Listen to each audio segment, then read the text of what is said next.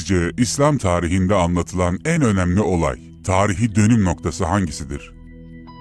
Tabi bu kişiden kişiye ya da yorumcudan yorumcuya değişecektir ama birçok araştırmacı yazarın ortak noktada birleştiği tarihi bir olay var. Şimdi size bu olaydan bahsedeceğim. Bilenleri tenzih ederek söylemek isterim ki bu bilgilerle bazı taşlar yerine oturacak diye düşünüyorum.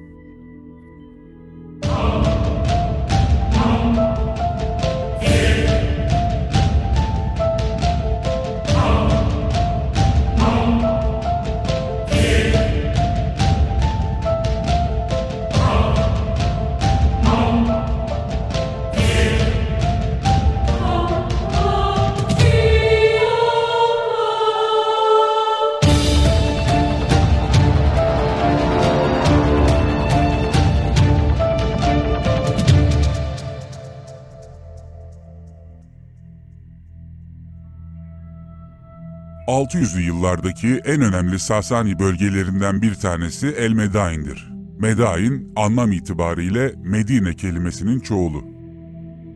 Bu kelimeyle birden fazla şehir kastediliyor. Biz burada Selevkus Tisfon üzerinde duracağız. Eski dönemdeki Suriye'de birçok kralın adıdır Selevkus ama onların asıl atası Selevkus 1. Nikator'dur.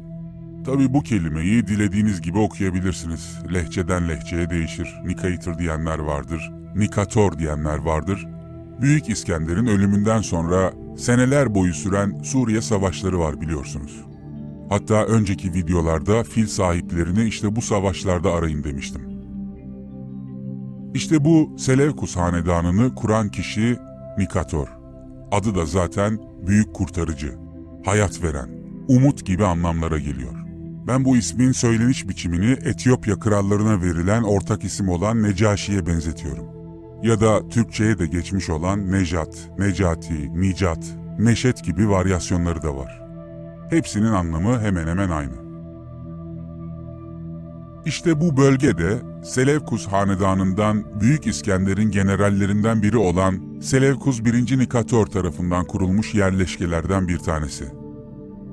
Bir tanesi diyorum çünkü aynı isimde başka yerler de var. Hatta bunlardan bir tanesi de bizim ülkemizde. Biz oraya Silifke diyoruz. Orası da 1. Nikator tarafından kurulmuştu. Hoş Silifke'nin tarihi çok daha eskileri hatta milattan önce 5-6 binlere dayanır ama adının nereden geldiğini bilmemiz açısından bu bilgi önemlidir. Büyük İskender'in ölümünün ardından herhangi bir varisi olmadığı için iki büyük generali Antigonos ve Seleukus 1. Nikator arasında yönetim için iktidar savaşları başlamıştı. Selevkos, adı üstünde değil mi? Selefi olduğunu iddia eden kumandan. Selefiler. Bugünkü Selefi anlayışı düşünün. Tıpkı onun gibi. Selevkos 1. Nikator, Büyük İskender'den kalan Grek mirasının Selefi olduğunu ilan etmişti.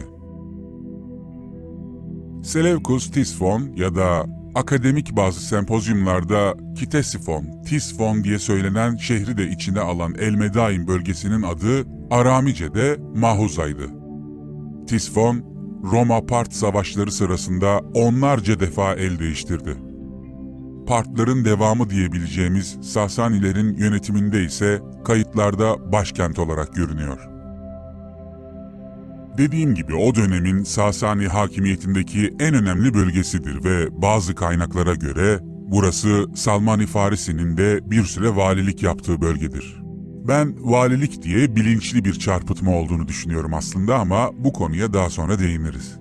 Neyse, bu bölge aslında hemen hemen tüm kumandanların kıskançlıkla baktığı ve ele geçirmek için birbirleriyle yarıştığı, savaştığı bölgelerden biriydi. Bağdat'a çok yakındır kadim kültürlerden biri olduğu için de Abbasiler devrinde tekrar önemli yerleşkelerden biri haline getirilmişti.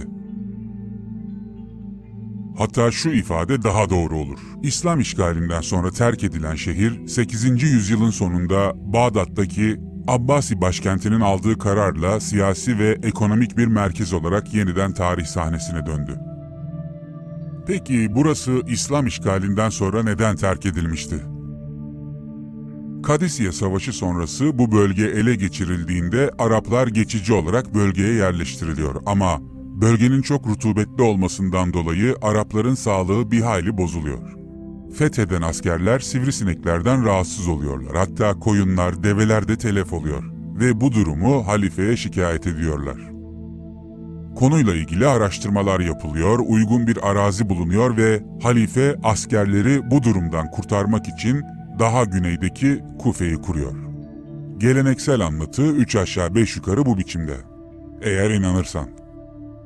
Halife Ömer'in fethettiği şehri talan edip yağmaladığı, kadınları kızları esir alıp tüm halkın malına el koyduğu için yerli olan halkın o bölgede yaşamasını istemediğini fazla anlatmazlar.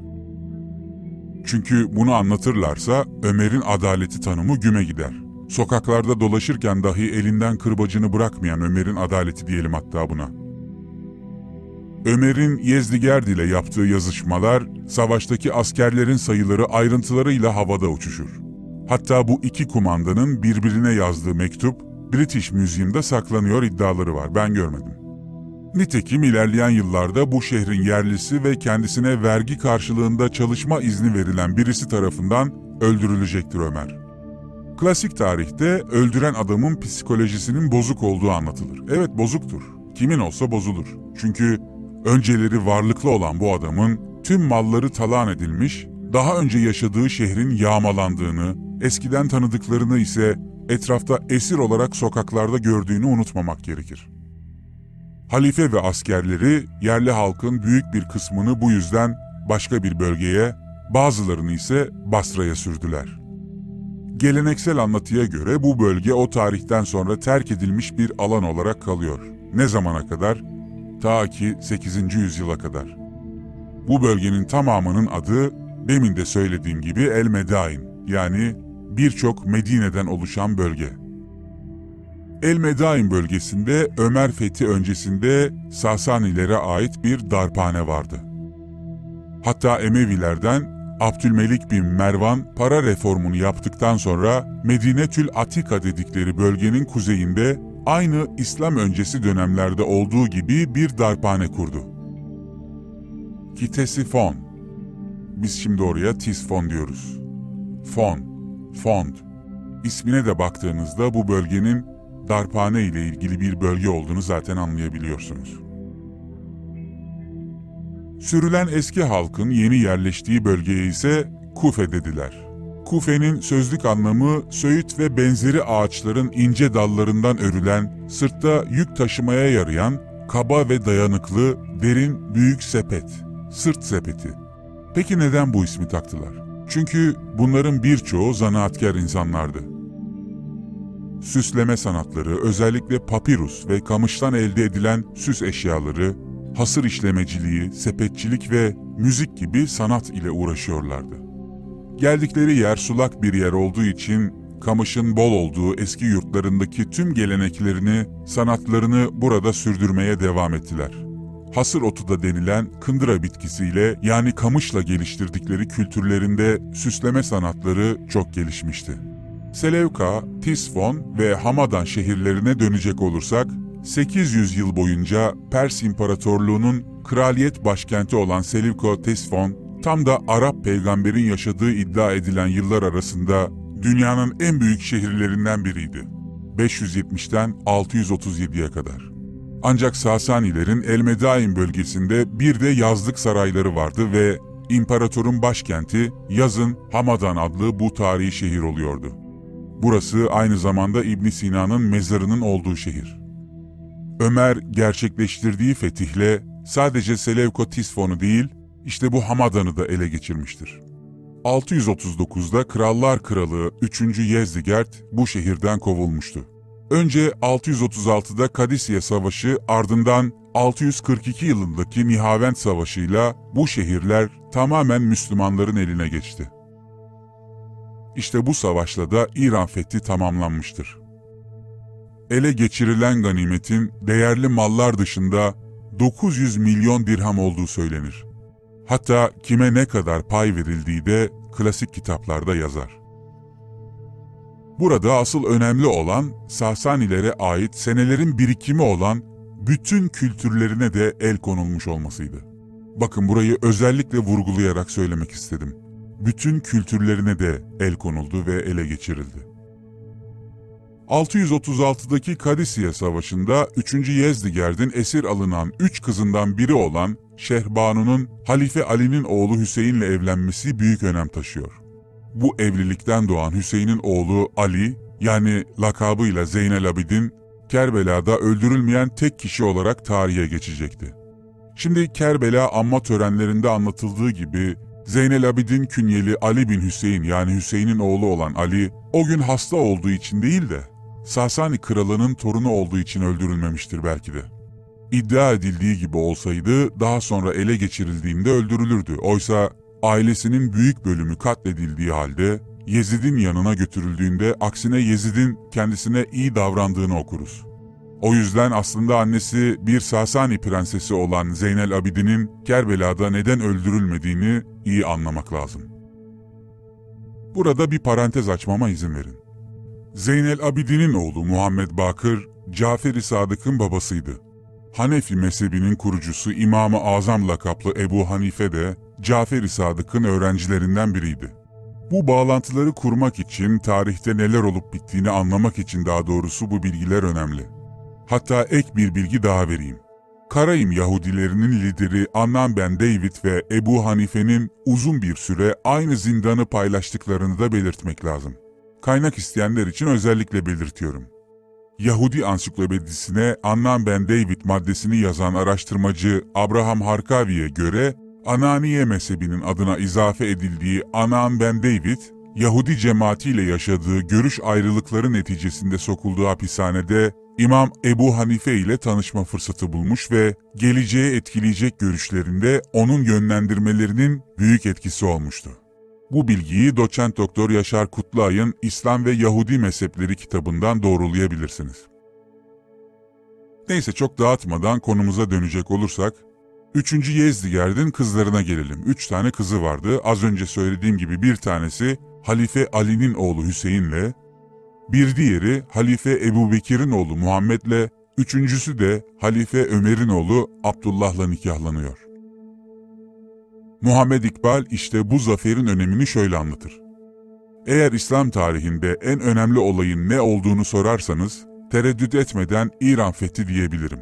Nihavend Savaşı Araplara sadece güzel bir ülke değil, aynı zamanda eski bir uygarlığı ya da daha doğrusu Semitik ve Aryan materyallerle yeni bir uygarlık yaratan halkı da kazandırmıştı. İslam medeniyeti Semitik ve Aryan fikirlerin karışımında oluşmuştur. İşte bu sözler Muhammed İkbal'in bu fetih hakkındaki yorumudur. Bu fetihten sonra Süryani yazı stilinin, alfabesinin, hikayelerinin, kültürünün ilk zamanlarda bu öğretide neden bu kadar baskın olduğunu daha iyi anlıyorsunuz değil mi? Ya da medeni denilen ayetlerin Mekki ayetlere göre edebi açıdan neden daha gelişmiş olduğunu. Peki bu medeniyetle ve kültürle tanışmadan önce bazı Arap toplumlarının durumu nasıldı? Bir de ona bakalım isterseniz.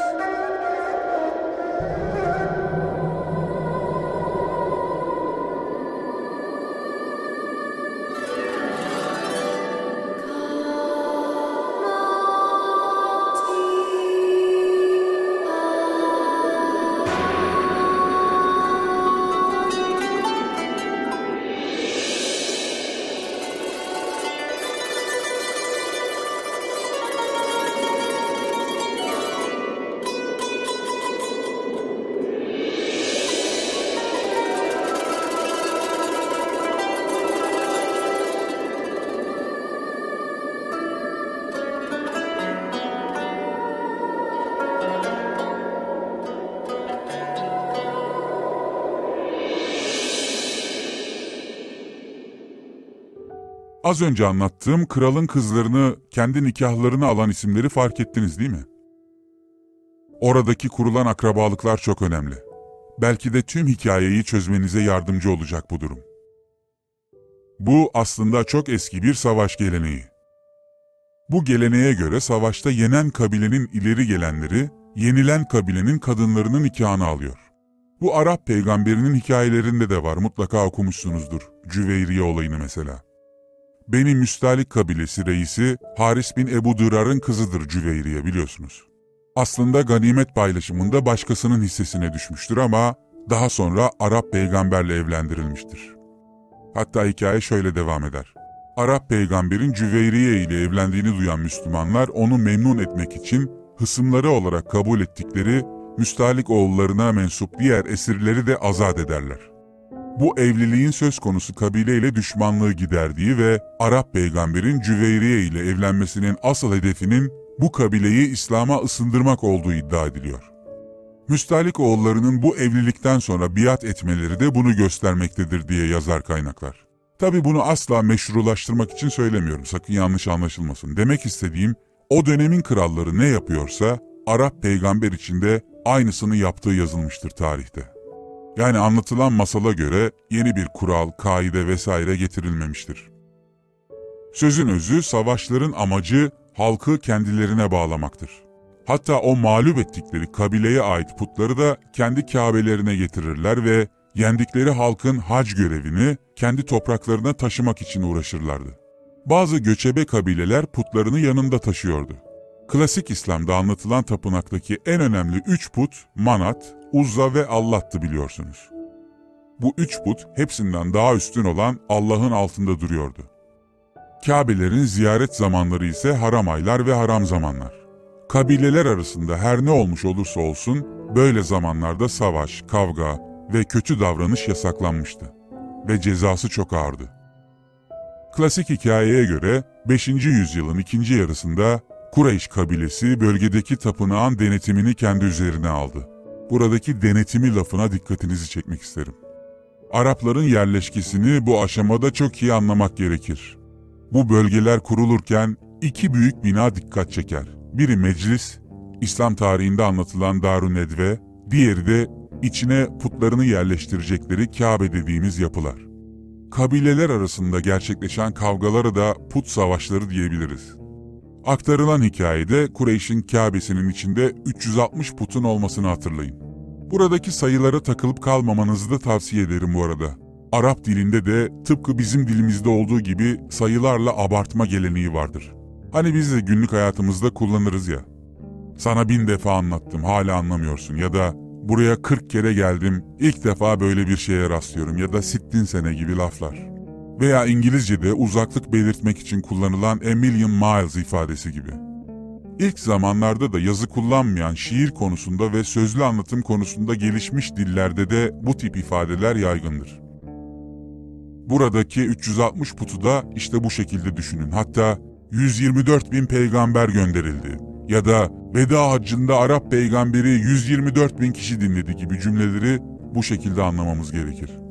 Yüzyıllar sonra oluşturulan hikayeleri anlamadan tefsir eden cahillerin tuzağına düşmeyin diye söylüyorum bunu. Bu metodu bu masallara ulviyet katmak için yaparlar. Kanmayın. İşte bu 360 put o kabilenin ne kadar savaşçı, zalim ve yenilmez olduğunun ifadesiydi. Zalimliği de burada bizim medeni dünyada kullandığımız gibi düşünmemek lazım. Zalimlik bedevi toplumlarda övünç meselelerinden bir tanesi. Daha zalim olmak, daha fazla Arap olmak bunların yazdığı beyitlerde övünülen konuların ana başlıklarıdır. Bir komutanın ne kadar zalim olduğu, onun ne kadar yenilmez, gözü pek olduğuyla alakalıydı.